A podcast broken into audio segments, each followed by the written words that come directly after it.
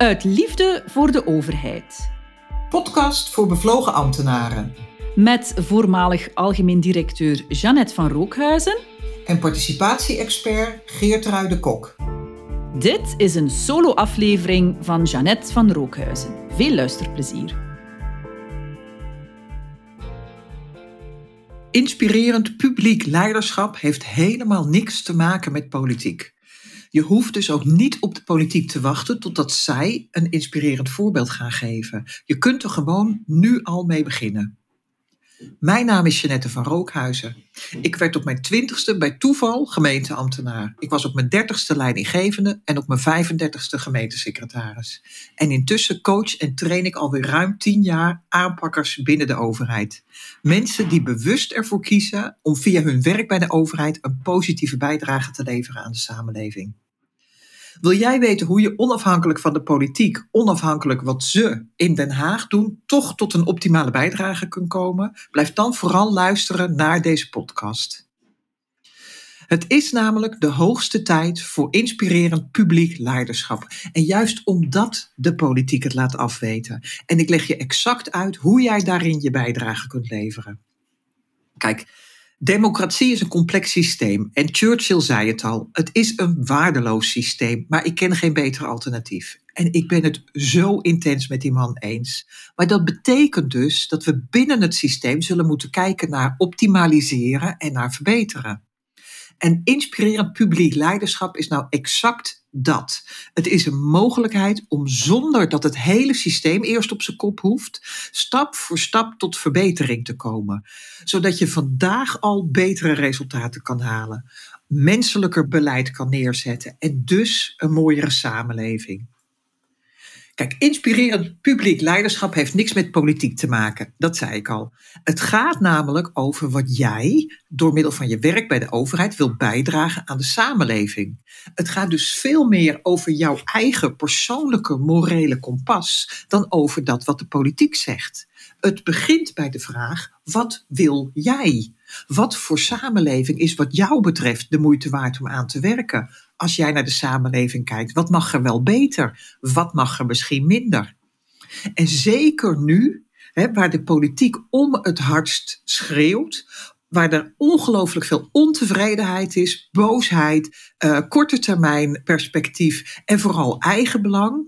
Juist nu is het dus des te belangrijker om daar niet zomaar achteraan te rennen. Om niet te snel te zeggen: opdracht is opdracht. Dus ik doe het maar gewoon. En, zeg ik er dan even heel eerlijk bij, ik vertaal dat opdracht is opdracht heel bewust even niet naar het Duits. Maar een goede verstaander heeft maar een half woord nodig. Je hebt namelijk altijd uiteindelijk jezelf in de spiegel aan te kijken. Sta jij dan volledig achter het uitgestippelde beleid? Sta jij achter de besluiten die je neemt, achter de acties die je uitvoert? Laat je je dan leiden door angst? Ja, maar als ik er tegenin ga, dan raak ik misschien uh, mijn baan kwijt.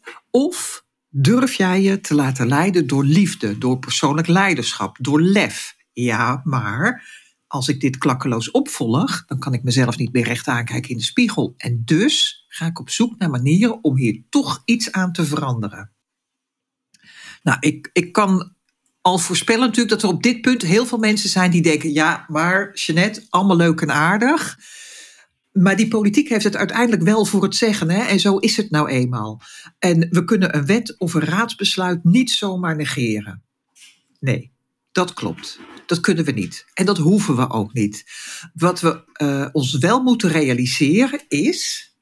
Politiek heeft niet de wijsheid in pacht. Dat is één van de manco's van het democratisch systeem. Iedereen kan zich verkiesbaar stellen, iedereen kan gekozen worden, los van de vraag of je verstand van zaken hebt.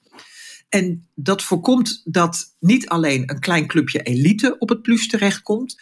En het is dus zeker ook niet alleen maar slecht, maar het heeft natuurlijk ook wel nou ja, zijn mindere kanten in zich. Maar dat betekent ook, en ik heb het daar al eerder over gehad, dat betekent ook dat jij juist vanuit je vakinhoudelijke expertise, vanuit jouw persoonlijke menselijke visie op je vak en op de toekomst, met al je adviesvaardigheden, met al je persoonlijk leiderschap en al je overtuigingsskills, dat je die mag inzetten om die politiek te helpen om tot de juiste beslissing te komen. Nou neem ik even als voorbeeld de toeslagenaffaire. Kijk, op dit moment is de Belastingdienst de grote gebeten hond in die hele toeslagenaffaire. Want die hebben het uitgevoerd. En hoe kon dat nou? Verrassend detail is dat het juist ambtenaren van de Belastingdienst waren die in een heel vroeg stadium de Kamer en de regering hebben gewaarschuwd jongens, als jullie deze wet op deze manier vaststellen, dan is er geen hardheidsclausule. Dan gaat dat leiden tot hele vervelende situaties. Want dan kunnen we geen uitzonderingen maken. Dan moeten we alles wat we constateren keihard aanpakken. De Tweede Kamer en de regering hebben toen gezegd: we luisteren niet naar jullie, beste Belastingdienst. We willen het wel zo, we doen het zo. Zijn ze allemaal eventjes vergeten op dit moment. Dus dit is ook echt een hart onder de riem voor de Belastingdienst. Want ik denk dat jullie dat heel goed gedaan hebben. Maar dan verder. Kijk, en dit is nergens om tegen de Belastingdienst aan te schoppen. Hè, want ik snap ook heel goed hoe het werkt. Maar het is wel een mooi voorbeeld van hoe ver ga je daar dan in mee uiteindelijk is die wet vastgesteld en zijn er dus wel al die besluiten genomen. En ik weet niet precies hoe vaak er nog geopperd is bij een leidinggevende of in de Kamer of bij de fracties of bij de minister of bij de staatssecretaris van hé hey joh, dit gaat echt niet goed. Maar daar zit wel, precies daar zit die grens van, ga je nou heel snel volgzaam mee of ga je daar in je persoonlijk leiderschap staan en ga je bij wijze van spreken, en ik ik kan dat zelf heel erg hebben. Ik ben een heel, kan een heel irritant, eigenwijs persoon zijn. Ik kan echt doorgaan totdat ik erbij neerval. En dat zou ik in zo'n situatie ook zeker doen. Ik heb dat ook wel gedaan. Ga je dan toch nog een keer het gesprek aan? Nou wil ik niet te veel alleen maar op die toeslagenaffaire uh, hangen, want dat is uh, toevallig iets wat we allemaal natuurlijk kennen, maar daar hebben we ook wel heel snel ons oordeel over klaar, terwijl het in werkelijkheid dus echt wel eens iets anders kan zitten. Als je het mij vraagt, en laat ik die dan ook maar gewoon heel duidelijk zeggen, die hele toeslagenaffaire die is veel minder aan de Belastingdienst te wijten en veel meer aan en de Tweede Kamer destijds en de media. Dus dat, laat ik dat ook even gewoon gezegd hebben. Maar waar het ook om gaat, is wat hierbij ook van belang is, is dat je, als je nou niet bij een belastingdienst werkt, of niet bij een ministerie, maar bijvoorbeeld bij een gemeente, en trouwens ook bij een ministerie, maar kijk altijd vanuit een breder perspectief. Ga eens even boven de materie hangen. Waarom doen we dit nou eigenlijk allemaal? Waarom willen we deze maatregel? Wat is nou ten diepste de bedoeling die we uh, nastreven hiermee? En doen we daar dan recht aan?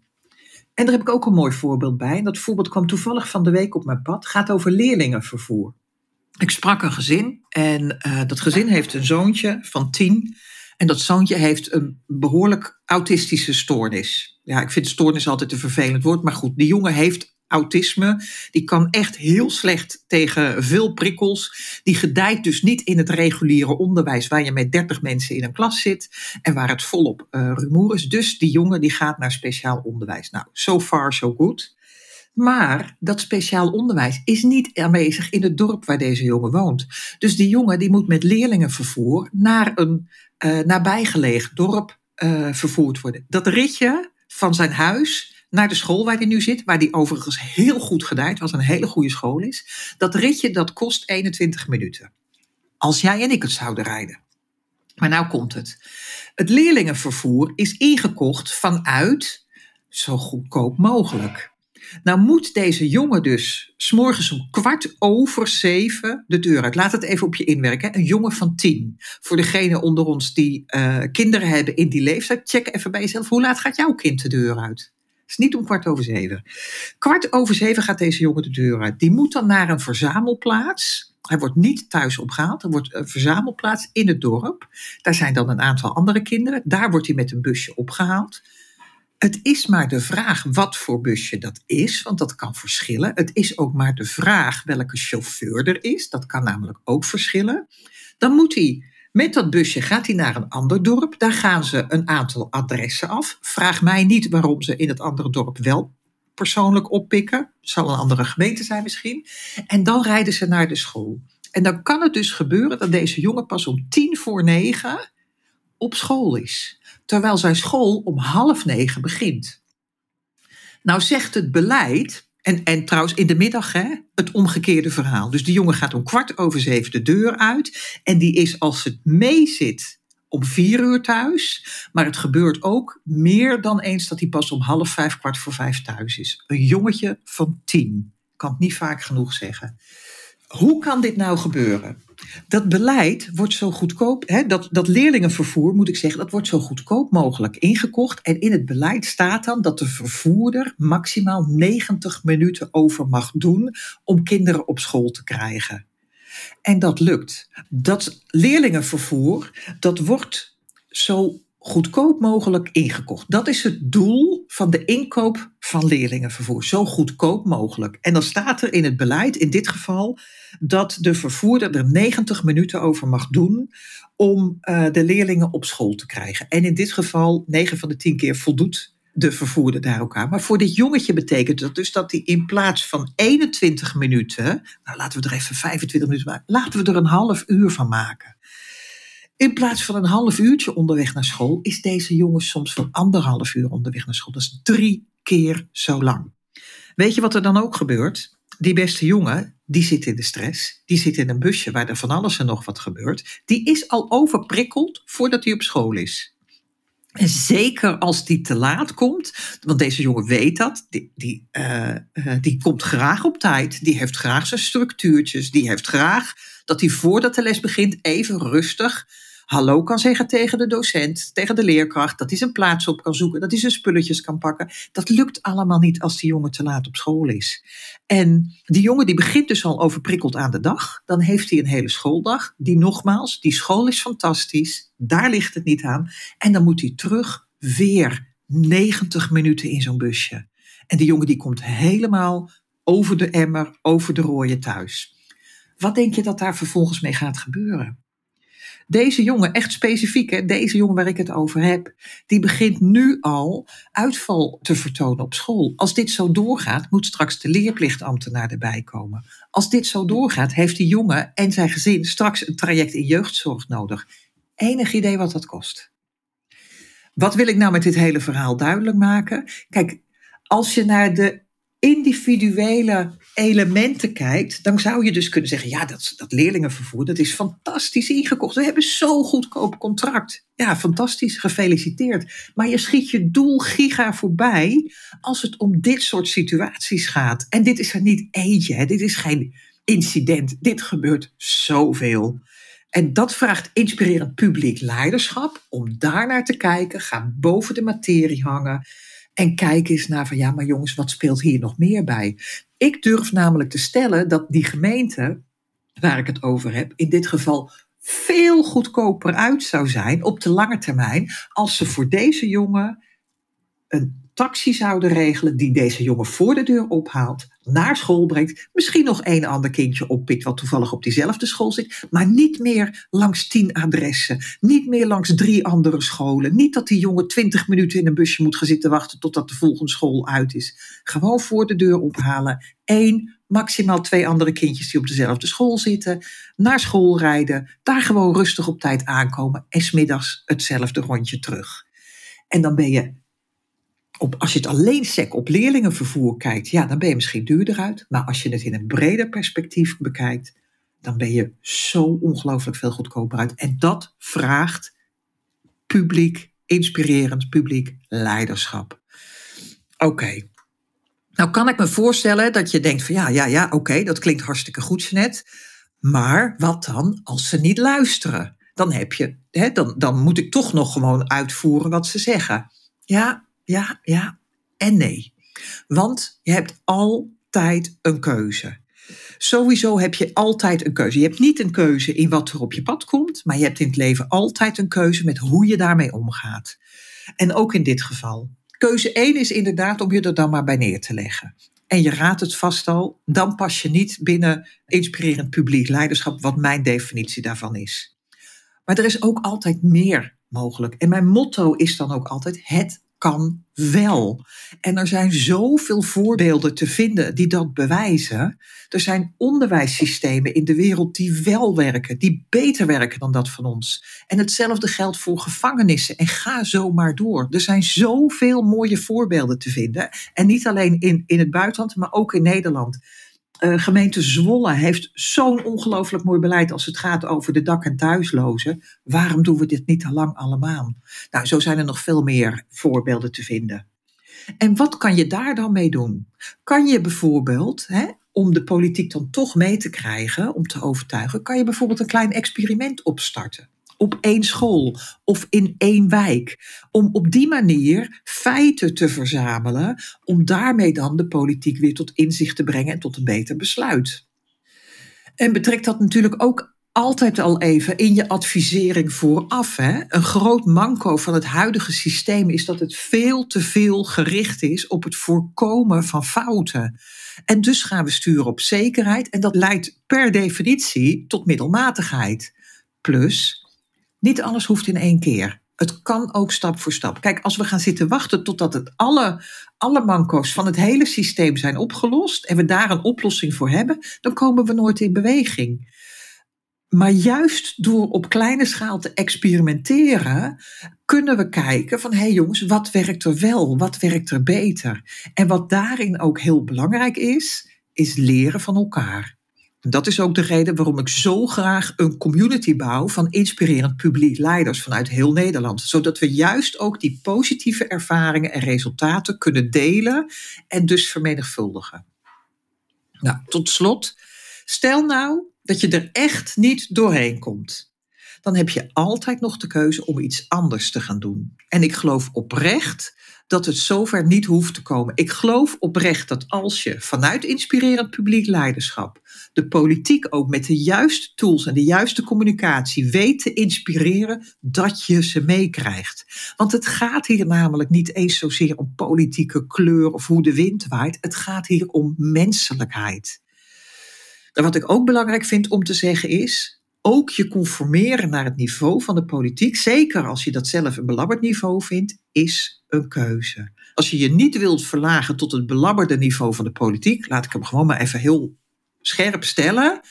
Als je je niet tot dat niveau wil verlagen, als je die keuze niet wil maken, dan kan je in je leiderschap stappen of je gaat iets anders doen.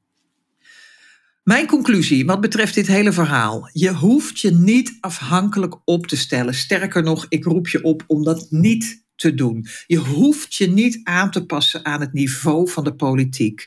Kijk, als dat voor jou helemaal prima is, dan moet je dat vooral doen. Maar dan ben je dus geen inspirerend publiek leider. En dat is op zich ook goed, want we kunnen tenslotte niet allemaal voorop lopen. Maar als je ook maar ergens voelt na deze podcast dat het je niet bevalt en dat je het niet eens bent met hoe het nu vanuit Den Haag wordt ingestoken, ga dan alsjeblieft bij jezelf na. Hoe zie jij het dan? Wat wil jij wel? En wat kan je daaraan doen? Stap in je leiderschap en ga stap voor stap hier je bijdrage aan leveren. Ik start in maart met een nieuwe groep, een nieuwe trainingsgroep Inspirerend Publiek Leiderschap. En je kunt je daar nog voor aanmelden. Maar als je nou zegt van ja, hallo Maart, ik wil nog veel eerder in de slag, laat mij dat dan weten. Want bij voldoende belangstelling start ik gewoon een extra groep op een eerder moment. Nou, wil je meer weten? Wil je even sparren? Wil je vragen stellen? Wil je mij beter leren kennen? Boek dan een virtuele koffie. De link daar naartoe zet ik in de notities bij deze podcast. En je kunt natuurlijk ook altijd even op mijn website kijken en je direct aanmelden. Maar op zich even kennis maken met een virtuele koffie vind ik zelf ook altijd leuk. Dus ik zie je hopelijk daar. Heeft deze aflevering je geïnspireerd? En ken jij bevlogen ambtenaren die je dit ook gunt? Deel dan deze aflevering. Alle verdere info over Jeannette en mezelf vind je in de show notes. Laten we samen de overheid een plek maken waar we met liefde en vertrouwen werken aan een betere wereld.